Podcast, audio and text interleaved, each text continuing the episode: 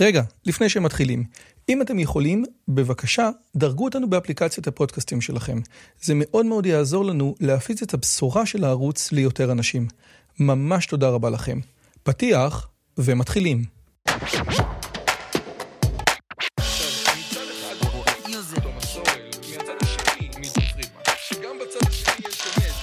הפודקאסט של דוקטור רועי יוזביץ'.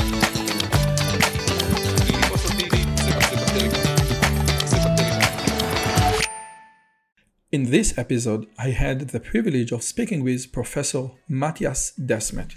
Professor Matthias is a professor of psychology at Ghent University at Belgium.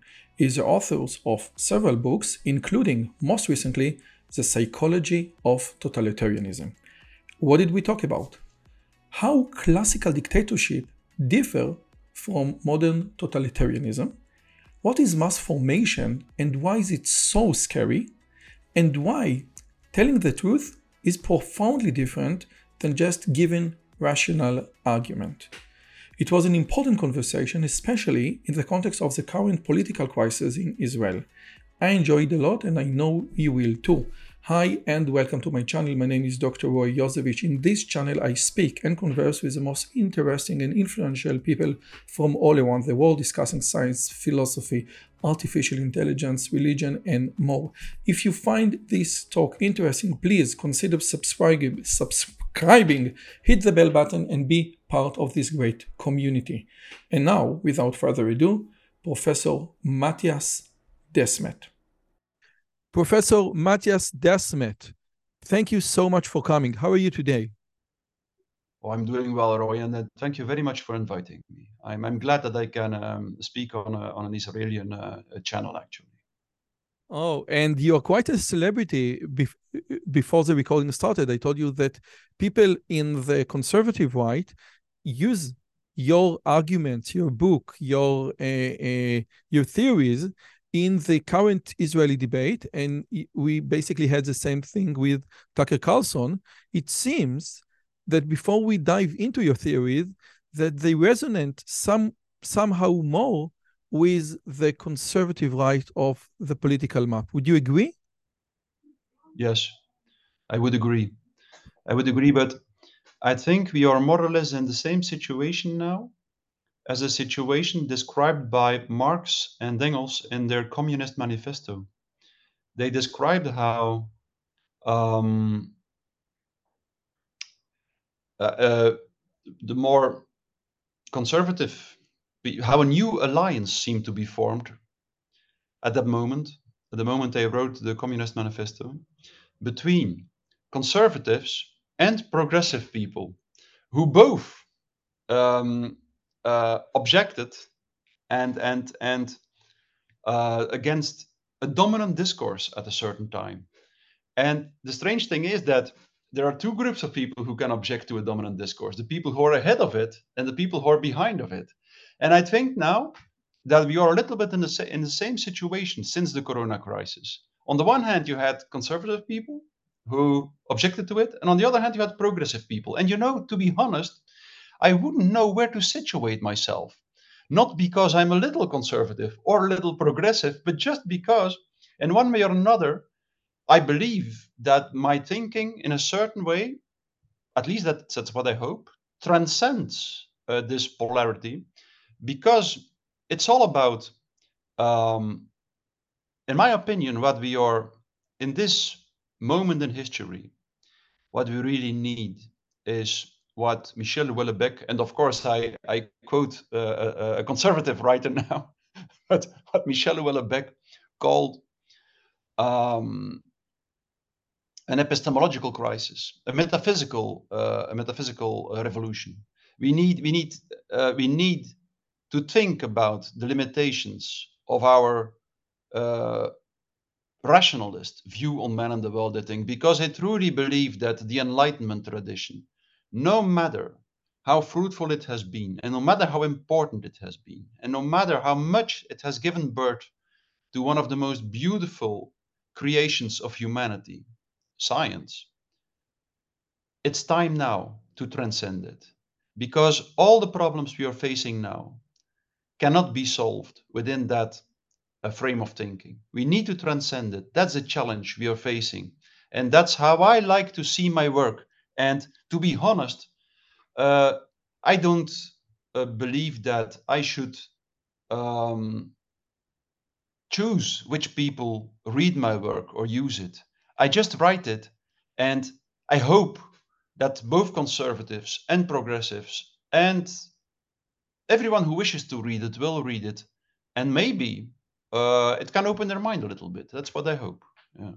Okay, so I, I, I can just uh, you know wish that two sides will think that you're the enemy, and which means that your books will have a lot of sales. But uh, you, I, I, I want to start with something that is a little bit different, but I think it's very strongly connected to what we were about to talk about today, your PhD dealt with methodological problems in academic research. And we know the replication crisis. I had Danny Kahneman on the show about the mainly the replication crisis in psychology and other things. And you, in your PhD thesis, said that the method methodological uh, uh, par paradigms in academic research cannot yield to good results. So if you can please name just uh, one example, one uh, uh, one good example that there is an inherent flaw in these methodological approaches.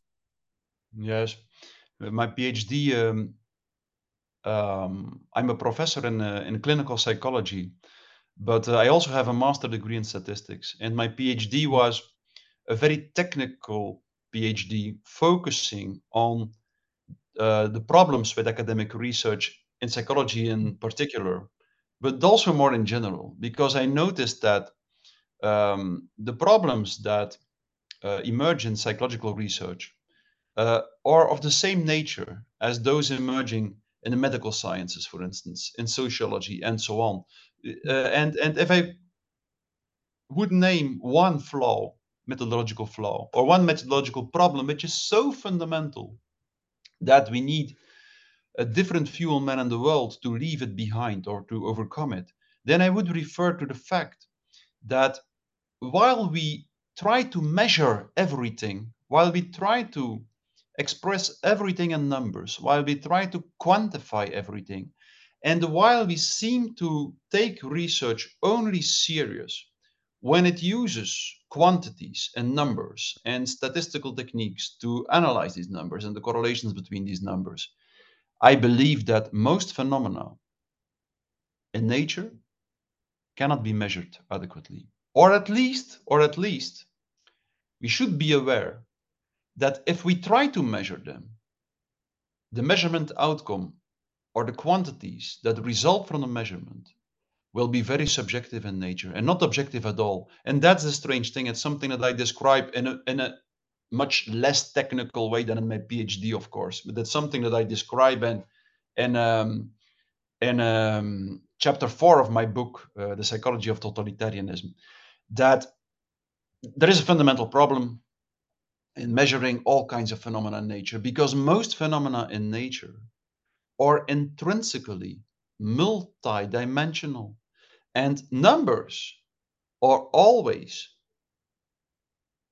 or measuring, the act of measuring is always comparing an object or a phenomenon to the unidimensional scale of the real numbers. And the problem is that some phenomena can never, you need to reduce a phenomena to unidimensional characteristics to be capable of measuring it. You can only measure a car if you if you reduce it to an object that has a, a height, uh, a width, a length, and then you can measure the height, the, the width, the length separately. But you cannot measure the object car an sich. You need to reduce it to unidimensional phenomena, and that's where uh, that's what the problem is. Scientists now often look more like magi magicians, and to quote Nietzsche, Nietzsche said, "Science makes complex things look easy. And magic makes easy things look complex. And scientists became sometimes more magicians than scientists. They try to convince people that their research is sophisticated by using numbers and measurements, but actually they and by doing that they actually turn science into pseudoscience, which which which which provokes the illusion in people that uh, it is objective and and accurate and sophisticated, while actually it starts from quantities that are not objective at all and that are that contain lots of measurement error.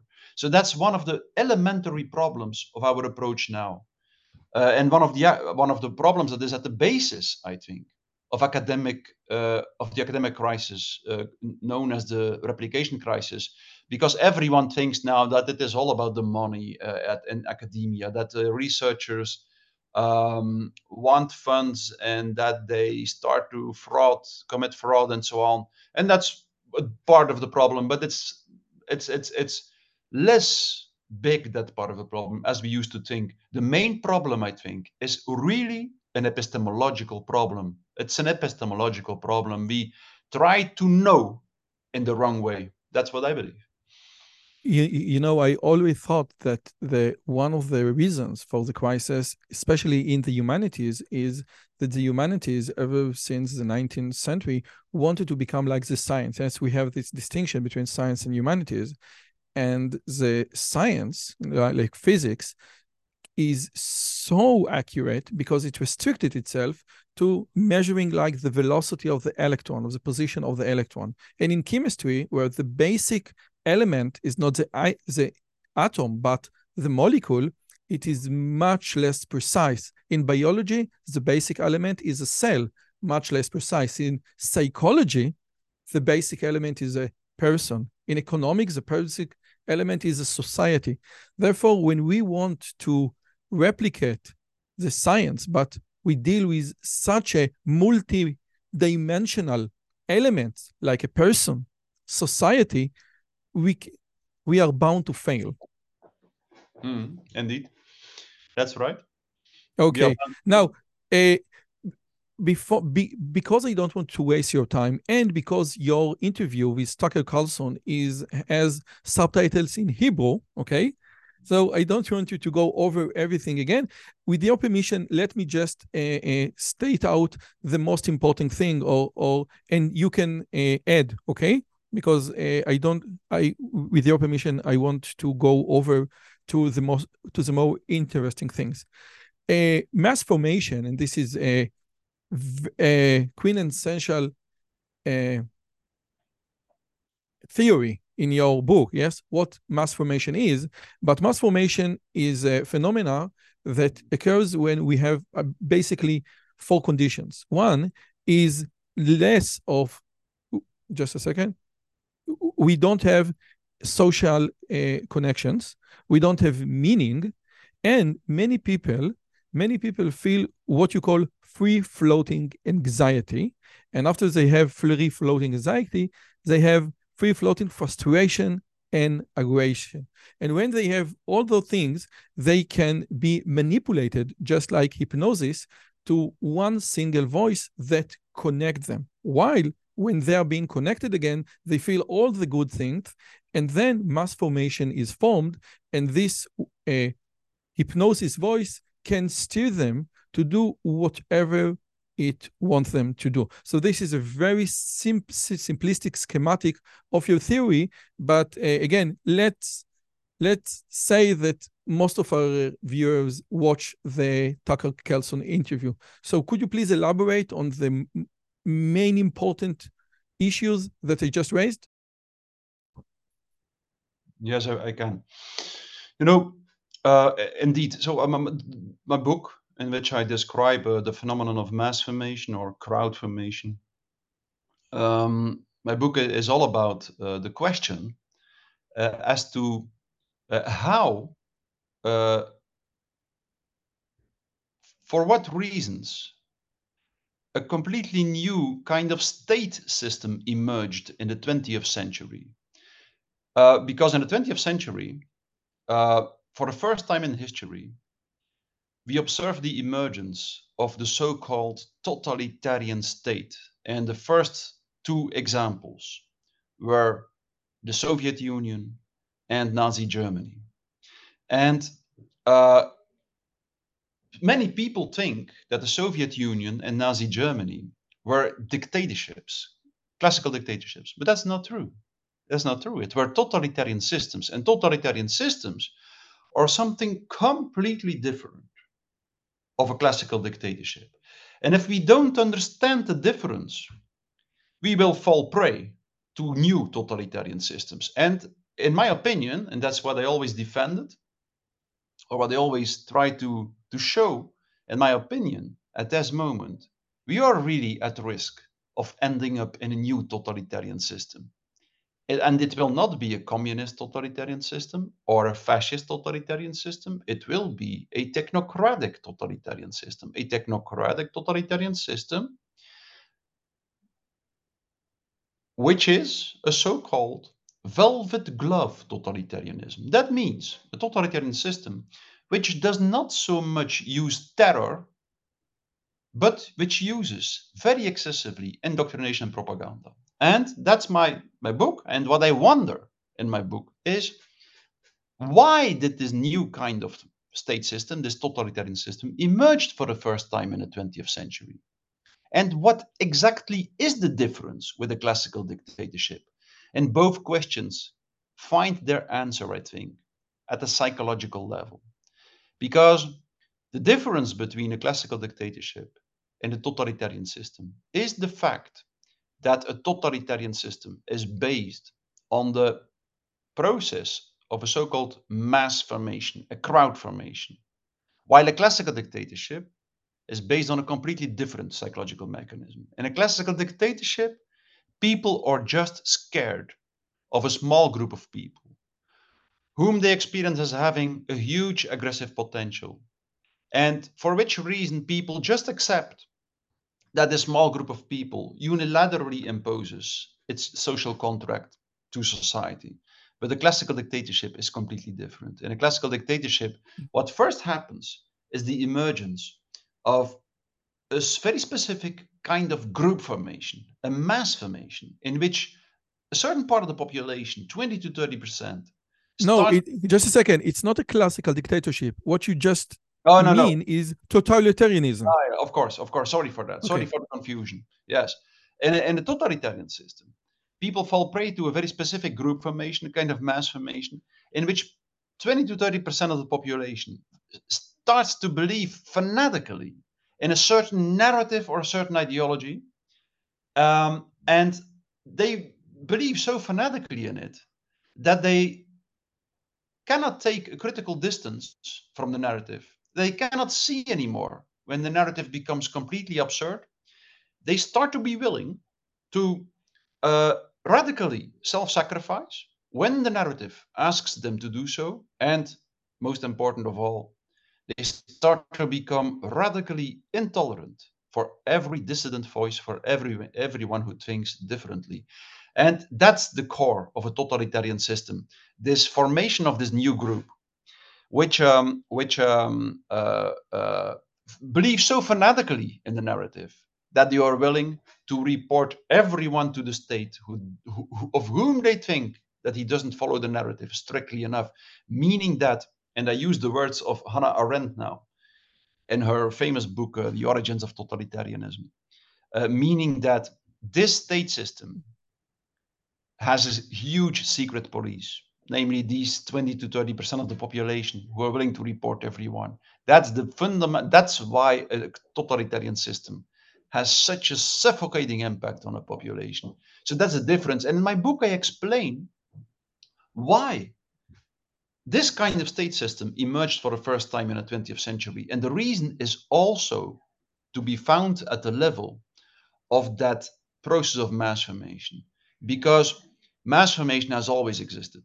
But since the 19th century, the mass formation became stronger and stronger and lasted longer and longer.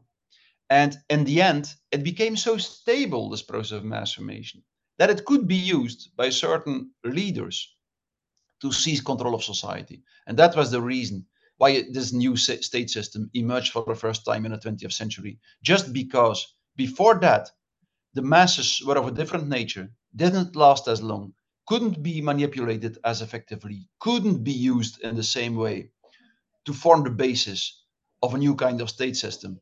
And my, my book focuses entirely on the question as to what reason um, this new this mass formation changed, the nature changed, why it became more stable, and that answer, I think, uh, is is to be found at the level of the of the view on man in the world that became dominant since the 19th century, even earlier.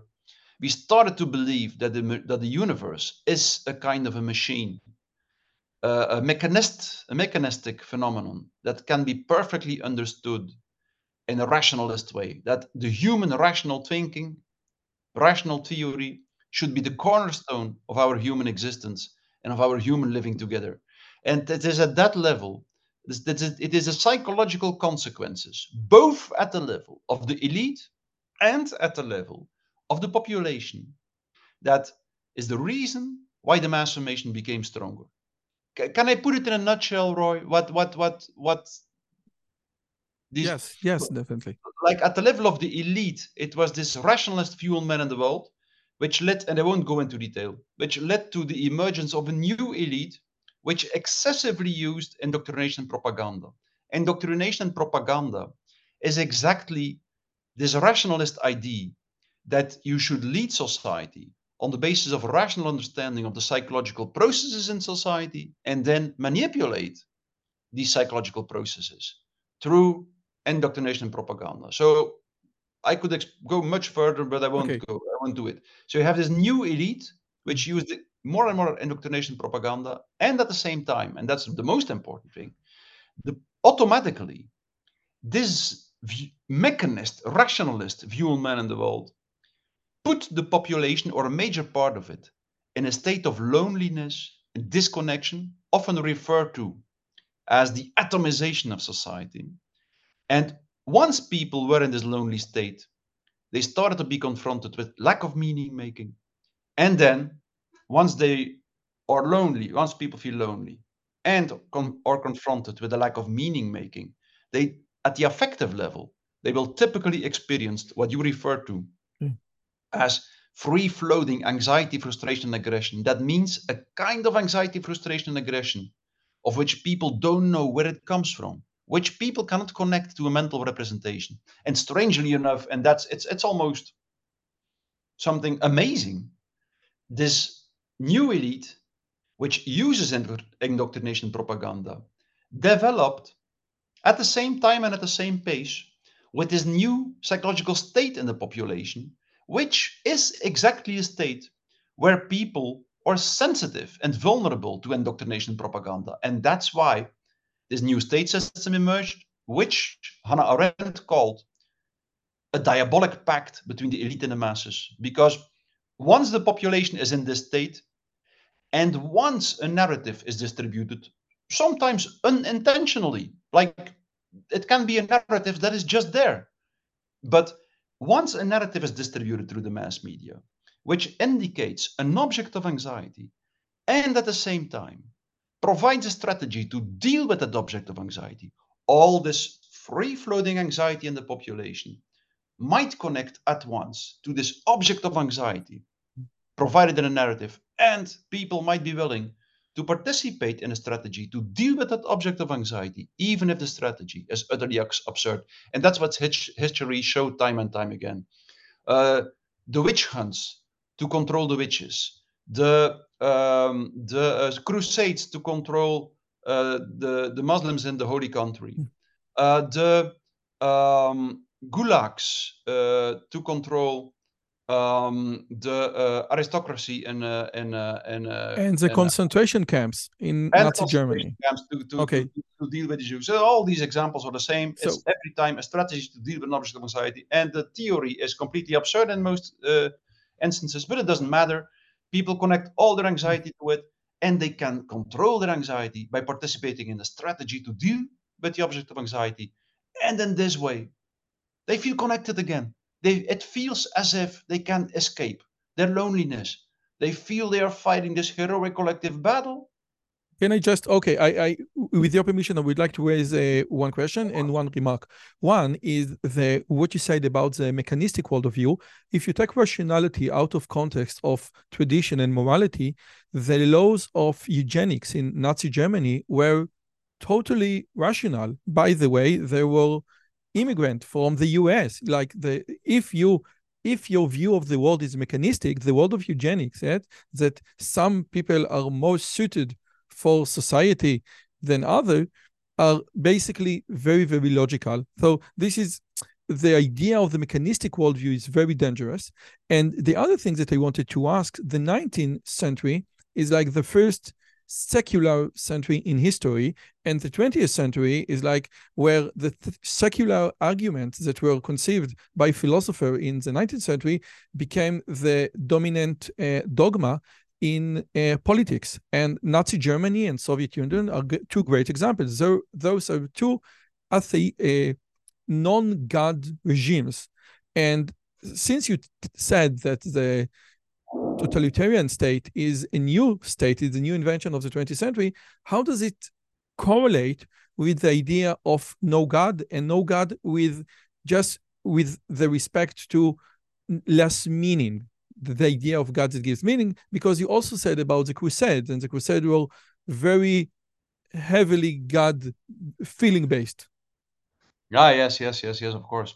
Well, um, uh, that that's one difference between the, the masses of ancient times and the masses of um, of modern times. Uh, Hannah Arendt uh, also uh, highlights that. She says uh, one of the differences differences between the ancient masses and the modern masses is that the ancient masses were scared of God, and the modern masses are not anymore. So the modern masses are formed uh, on the basis of um, of rationalist um, narratives, and and and the entire um, phenomenon of totalitarianism is a rationalist phenomenon.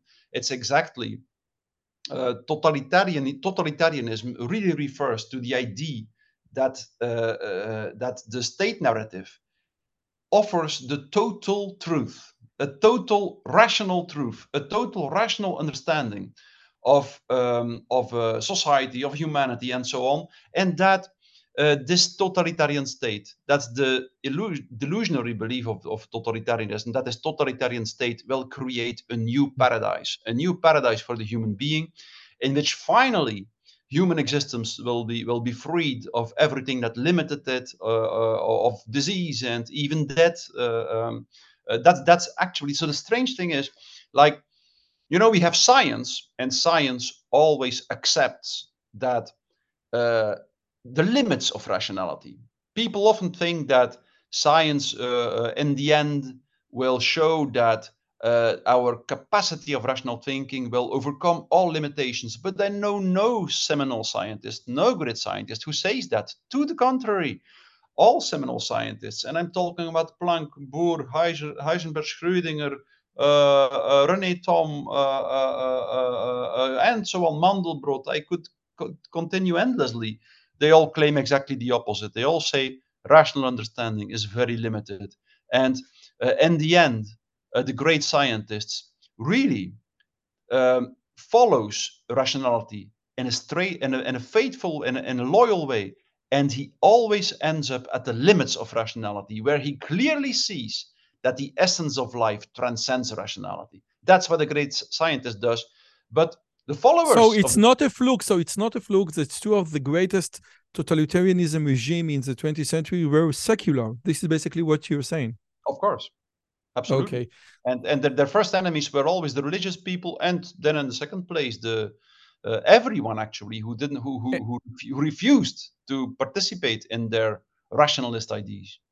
And the other things that you said, and which I think might explain why your theories resonate with right conservative people, is the, atomiz- the atomization of society. Because in what we know from from the US that the conservative right is much more uh, bounded in family connections and the left is much more uh, separate yes people in the left live in in the city people in the right live in the in the village so maybe the idea mass formation is more likely to be formed in the left, where the atomization of society is much stronger, mainly in the 21st century. Uh, that's, I don't know. Let's say that for me, uh, the atomization of society, um, I don't know if by protecting classical family structures in a conservative way, uh, we will prevent society of ending up in atomization. I don't know that. I don't say yes, nor do I say no. I think if you have a uh, a conservative classical family structure, but everyone uses technology, for instance, mobile phones and so on, you might also end up in a in a in a in a uh, in a in an atomized. Uh, this was uh, happened in Iran because in Iran they had a good yeah. family structure, but mass formation, just like you in your great example of the moon, uh, it, it, it, you don't have to be lonely this is just one thing. I think that the example of of Iran demonstrates that you don't have to be lonely in order to be part of this great wave of mass formation. Not at all. Not at all. Uh, let me first finish my first line of reasoning and then yes. respond to the second one. Because for me, what what what is crucial is whether or not people can stay in touch with what I often call truth speech of truth telling. Because truth speech is not rational speech someone who tells the truth says something that resonates in another human being. And it, it is this resonance in which people, two different people, start to vibrate at the same frequency, just like two strings that co vibrate at the same frequency. It's this kind of speech, truth speech, sincere speech, honest speech, uh, which really connects people and which really is the remedy for loneliness and the atomization of society. And my next book is all about that. It's all about how truth speech is a solution, is the remedy, both for the symptom, the major symptom of our society, namely mass formation and totalitarianism, and at the same time is the remedy for the root cause of the symptoms, namely this is great the atomization this is great because it's not rational thing it's not rational arguments that resonate it is no. true speech, true and honest speech. You know, in ancient Jewish wisdom, there is this quote some things that come out of the heart will be entered to another person's heart. Yeah, and I, I think this is what's true in this uh, context means. Like, I'm honest and I'm totally honest, and this honesty resonates with some someone else. It's not about the rational argument per se. It's not, and and that's the strange thing is, and that's what something that uh, the Enlightenment tradition ignored, and what people like Sigmund Freud, in an extremely intelligent way, understood in a very early stage of enlightenment. Freud knew that if you want to make someone speak the truth, you have to ask that person to stop thinking. That's what Freud did with his patient who entered his practice. He asked them, Don't think, just tell everything that comes to your mind. That was the shortest route, the shortest way to connect them again with their truth. And um, so there is a certain field of tension between rational thinking and speaking the truth, which is very interesting because now we confuse the two. We believe that rationality leads to truth, and it's exactly the opposite, and strangely enough. And I don't say that you have to stop to think rationally, but we should be aware that in the end, the ultimate destiny of the human being is not rational knowledge. Rational knowledge and thinking rationally is like climbing a stairs, which in the end leads to something that transcends rationality. And that's this capacity to resonate with the object you are studying. And at that moment, every theory, every rational theory becomes relative, and you start to understand that every theory actually uh, is a resistance against the pure contact with uh, the object itself, with what I often call the eternal music of life. It's only when you start to realize that your rational thinking is limited that you can open up yourself, stop to lock yourself away in your prison of your own logics and rational thinking, and that you can start to resonate with something that will eternally transcend your rationality. So that's the point, I think. That's Wow. that's just a second I, I i'm an observant jew so don't don't take me wrong but it seems it it almost feels like what you try to convey right now if not religious philosophy it's spiritual philosophy okay? And this again might also explain why people with heavy materialistic point of view uh, will not buy the th- theory. I buy the theory because again I into the idea that rational is limited, that there is something uh, beyond. But people with materialistic point of view are having hard time to grasp and digest what you just had to offer. Would you agree? yes, to a certain extent I would. Although I think that, in my opinion, uh, what I just said can both be the result of a honest, sincere, rational thinking process, as it can be the result of a religious and mystical uh, approach to life. I think it can be both, and that's what that's what you know. In my life personally, I come from a very well from a, a religious family, but when I was 17 years old, I found myself to be a complete atheist, and and and I just couldn't understand how someone could believe that somewhere in this universe uh, a god would be hidden behind the clouds or something. I just, for me, the world at that moment was a material phenomenon. I said, like, well, everything exists of molecules and atoms and subatomic particles. What would otherwise be the basis of the universe? And and I just couldn't understand anymore how there could be a god in such such a universe. But very slowly, and in my case, by following rationality, I think, and science in a very faithful way, I started to see first that what we call matter and atoms, in the end, is a kind of consciousness, as all the great physicists of the 20th century said.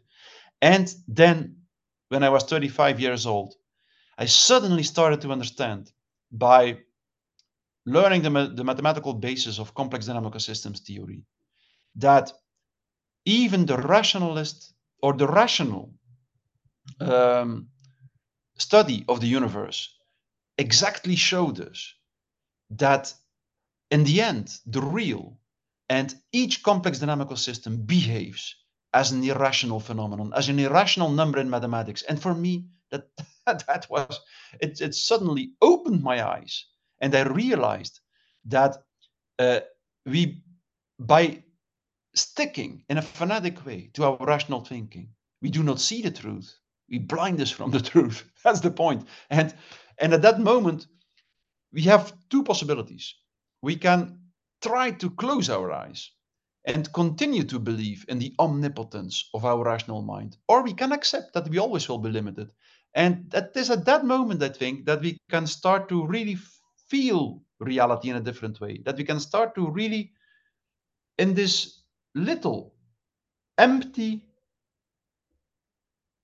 space, this space where we start to realize that we cannot know it's there that we can be that we can start to really be in touch with what transcends all rationality and and and so i, I think maybe- in my opinion yes and maybe this is why the the I, the role of ritual in uh, uh, mass formation is so important. Like we tend to consider ourselves, we don't need ritual. This is for the ancient. We uh, we only Uh, count on rational thinking. But you said no. Rituals are extremely important in in mass formation because, like you said, this is the ritual of death. So if you can just elaborate on one phrase from your book, the ritual of death. Uh, of, of course, like like as a human being, we are symbolic beings, and we have this fundamental, inherent need to participate in symbolic behavior. Just because it's that behavior, that symbolic behavior, that makes us feel our most inner reality and our origins. In the end, the entire universe, I believe, in the end, was a kind of language.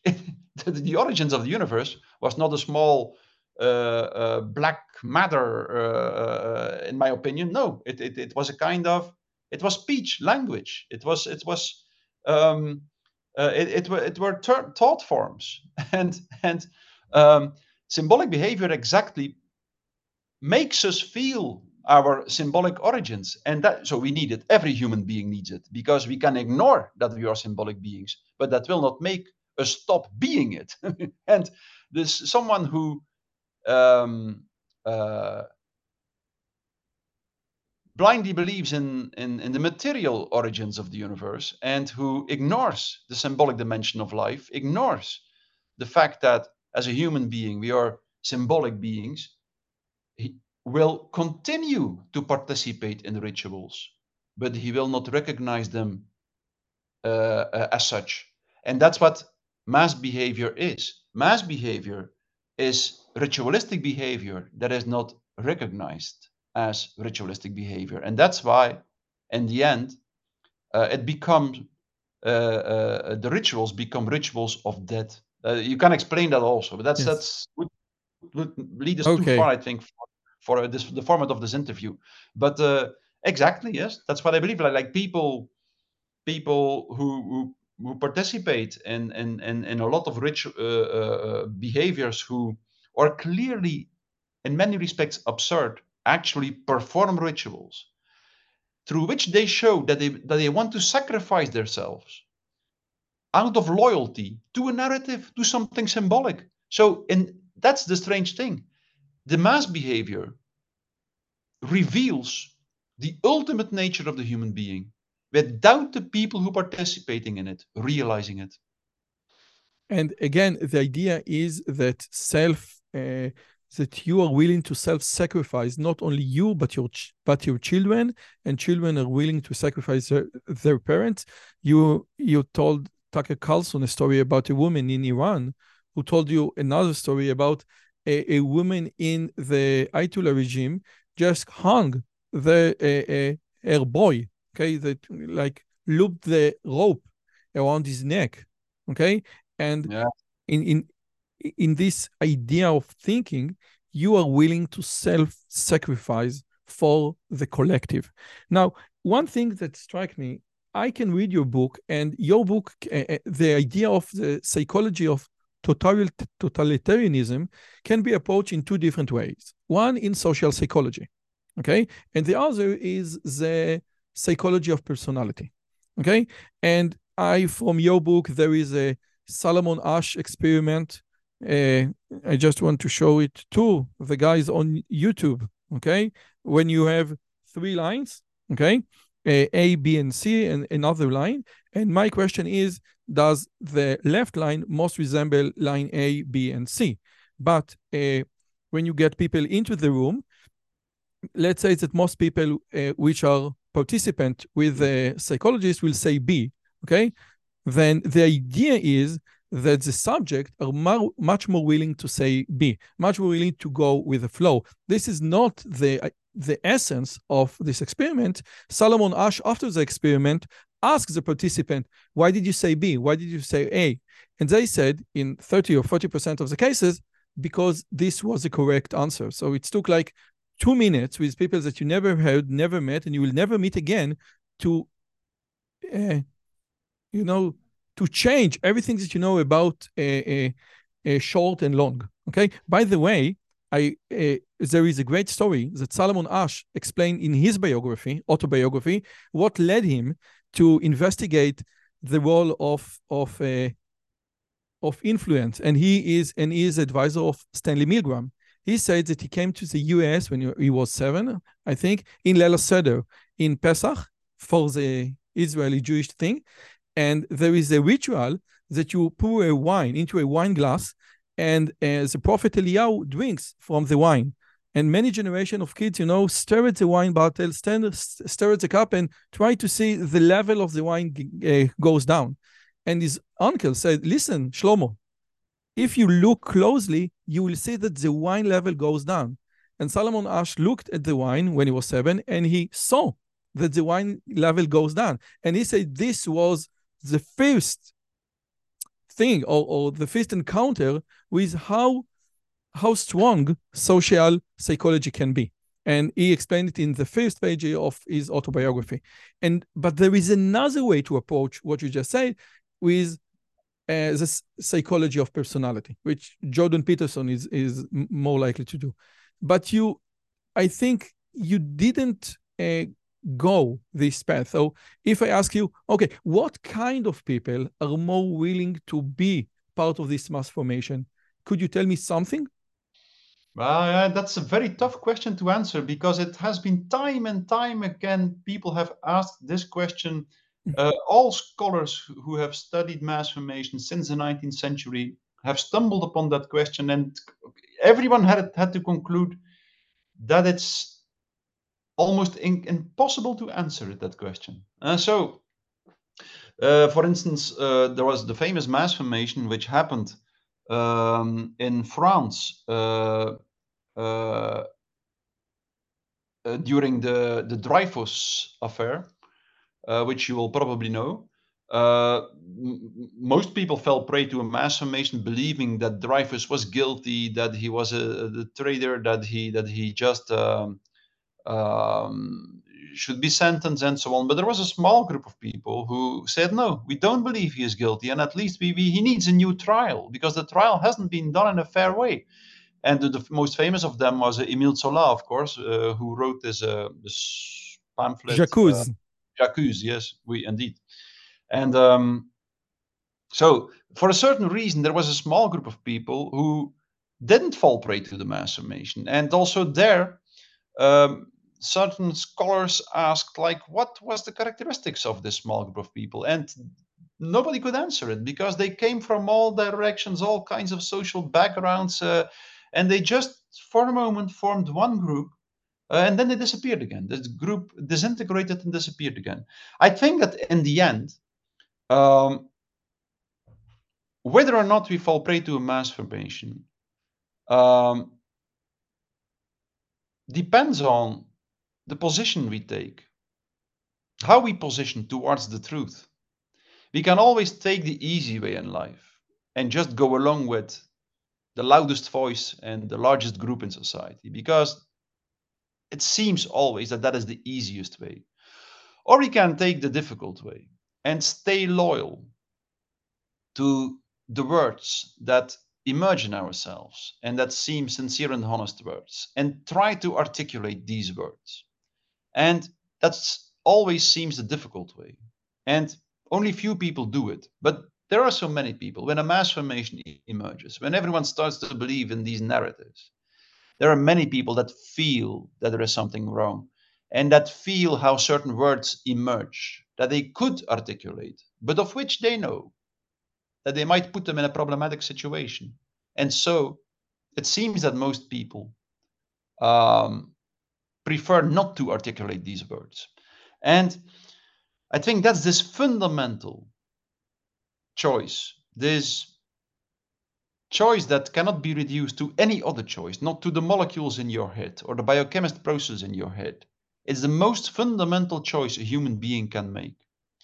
Will I articulate the words that emerge in myself? That seem sincere and honest. Will I articulate this most singular, individual, unique truth, which is at the same time, and that's strange, the truth is always singular, individual. But the strange thing is that if we articulate it, it touches a universal string. And so it's at the same time strictly singular and strictly universal. So the truth is a paradox. And that's good. It cannot else than it cannot be else than a paradox. But so, but I think, and you cannot reduce it to anything else. To anything Just else. a second, but but but you said that high intelligent high intelligence is not a shield against mass mass formation. On the contrary, people with high IQ or high IQ people are more uh, susceptible to be part of this mass formation. I think and this is very intriguing. How because again, rational thinking doesn't play any significant role in the mass formation process. No, well, the high, the higher the level of education, the more people become susceptible for mass formation. So it, it's the level of education that that uh, is the, um, the important factor. I, I I'm not aware of uh, research or people who wrote about the the correlation between intelligence and mass formation. Um, it could be that intelligence is, is, a protective factor, but I doubt it. But the level of education definitely uh, shows a positive correlation with the vulnerability for mass formation. The higher the level of education, the more susceptible for mass formation. I think there is a famous quote by uh, who wrote 1984? George Orwell. George Orwell, that some nonsense are so full, are so stupid that only academics can uh, uh, can believe in them. And i think this is also one of the things and another quote which i think really resonated with what you said is a quote from that attributed to edmund burke. The only thing necessary for evil to triumph in the world is that good men do nothing. And and if i just want to paraphrase your ideas don't speak their own truth and you said if a large enough people large enough group in society and we come to the uh, numbers shortly, say the truth, it will intervene with the hypnosis process. Okay, I try to hypnotize you, but there is a little nudge no, no, it's not true. It's not true. And this process, if it if it's done with, I think, what is the minimum amount of of what is the minimum uh, uh, uh, what is the minimum size of this group that keep nudging that no, this is not the truth. This is a false narrative. I think we need only one person, but mathematically speaking. But the problem is that you will never find one person who can speak the truth enough without other people with whom he can resonate. So we need a certain amount of people, but not too much, definitely. Uh, it's much more important, I think, that the, group of people is very determined and realizes that what it has to do is not offering a rational counter argumentation against uh, the mass narrative. It's simply that they have to continue to try to do their best to speak the truth. This means that they just say, like, look, for me, this doesn't feel right. And I will just don't care about this matrix of social rules which tries to uh, tell me what I should do, or with all these ideal images that are projected onto me. No, I will just express what I feel in myself that makes me have the intuition that this narrative cannot be true. And I will not even try to convince you. That's very important. The most effective speech is speech that doesn't try to convince the other but a kind of speech in which the speaker just lives up to his ethical duty of articulating the words that seem sincere and honest to him without trying to convince. The less we try to convince, the more effective it will be. And we should always watch out, that's extremely important, that we do not fall prey ourselves to a little mass formation, because that also happens. You had the, the large mass formation of the dominant narrative, but there are there were several smaller mass formations which also emerged. And so, uh, and as long as we really practice this art of truth speech, sincere speech, we will not fall prey to the mass formation.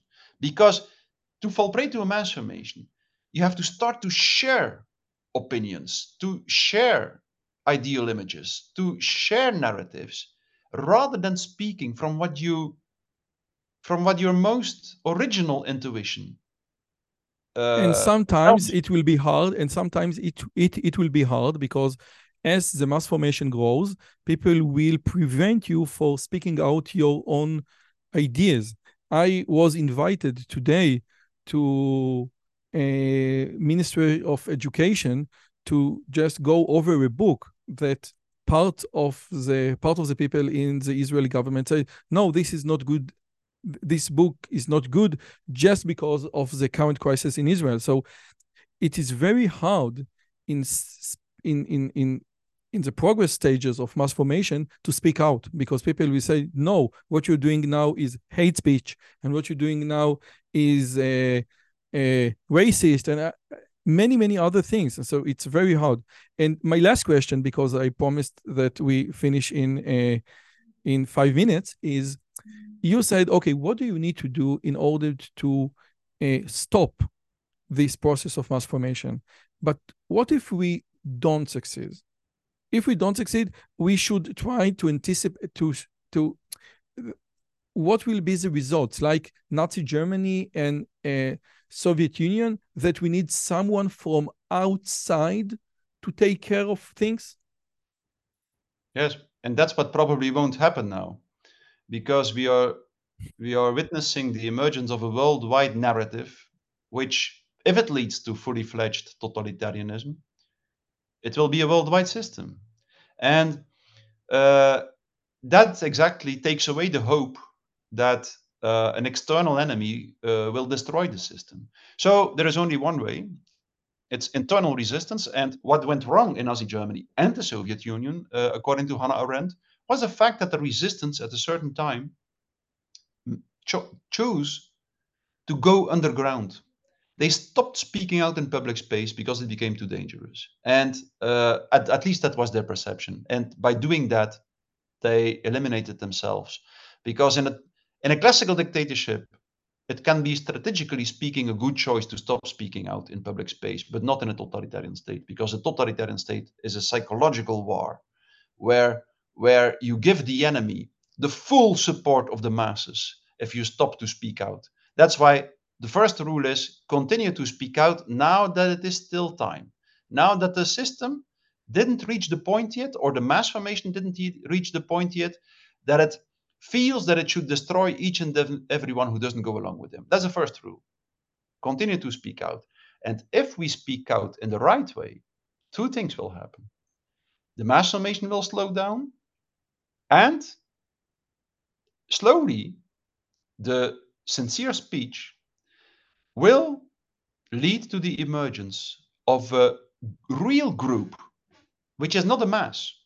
And a mass is a kind of group which is formed not because individuals love each other and connect to each other, resonate with each other. No, a mass is a group which is formed because each individual separately resonates with the collective ideal, the collective theory.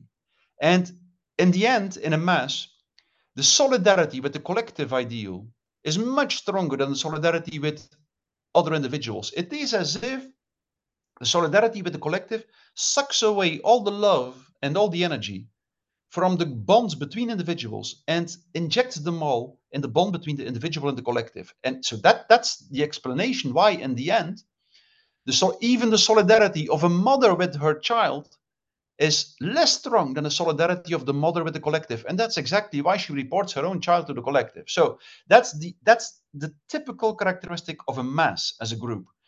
Uh, really humane group, a real group, is, is, is a group that is formed because individuals connect to each other, resonate with each other. And that's exactly what the act of truth speech realizes. The act of truth, truth speech makes people resonate with each other.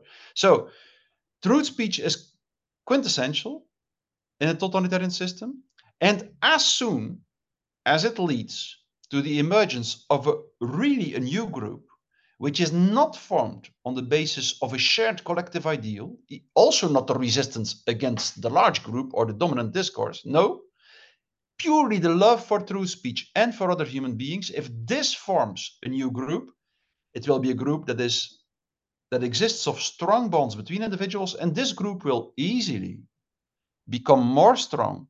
It will become the leading principle it will be stronger as a psychological agent than even the most sophisticated propaganda machinery and the mass formation that propaganda machinery creates. So that's what uh, should happen. I don't know if it will work. Let's hope so.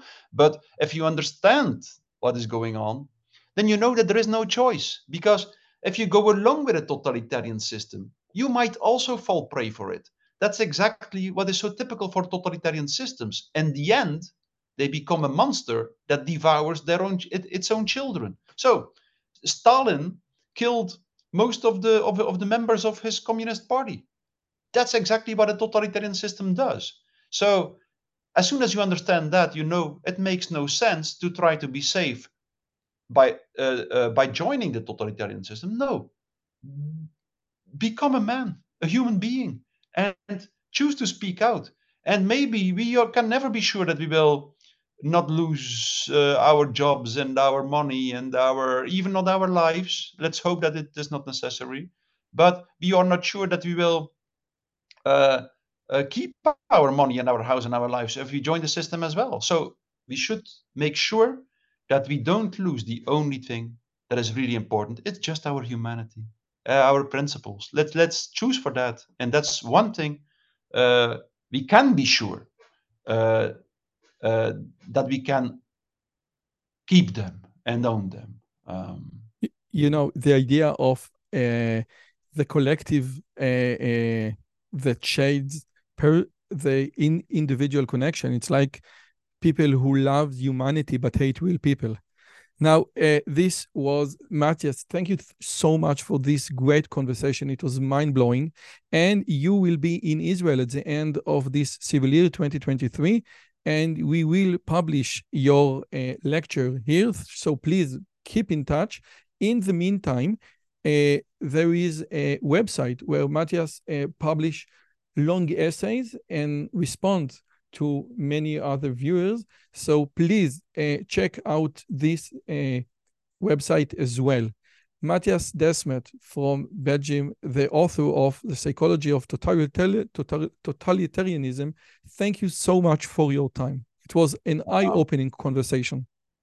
Thank you uh, very much for inviting me, Roy. And uh, thank you for, for referring to my Substack page, which uh, indeed where I publish uh, these essays. Yes, people can follow me there if they want. Uh, and I hope to meet uh, some of you um, in Israel by the end of this year. I'm very happy. I, pers- I personally cannot wait until we meet Wonderful. face Likewise. to face. Likewise. bye bye, Matthias. Thank you so much. ביי ביי. ביי ביי. אם הגעתם עד לכאן, מגיע לכם כל הכבוד. אז תנו לי להגיד לכם שלושה דברים קצרים. הדבר הראשון, אם שמעתם משהו בשיחה שמעניין אתכם, שאתם רוצים לקחת הלאה, פשוט ספרו אותו לאנשים אחרים.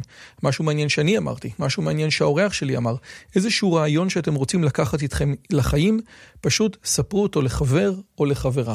זאת הדרך הטובה ביותר לזכור את הרעיונות מתוך השיחות האלה. הדבר השני, אם אתם רוצים לקחת חלק בקהילה שלנו ולפגוש ולדבר עם אנשים כמוכם, אתם מוזמנים לערוץ הטלגרם שלנו, שווה לכם מאוד. פשוט תראו עוד אנשים שמתעניינים מדברים מגניבים בדיוק כמוכם. והדבר האחרון, אם אתם יכולים, דרגו את הערוץ שלנו באפליקציית הפודקאסטים שלכם, זה יכול להיות בספוטיפיי, באפל פודקאסט או בגוגל פודקאסט, זה תהליך קצר של שתי שניות, הוא מאוד מאוד יעזור לנו להפיץ את הבשורה הלאה. שיהיה לכם כיף גדול וכיף בשיחה הבאה.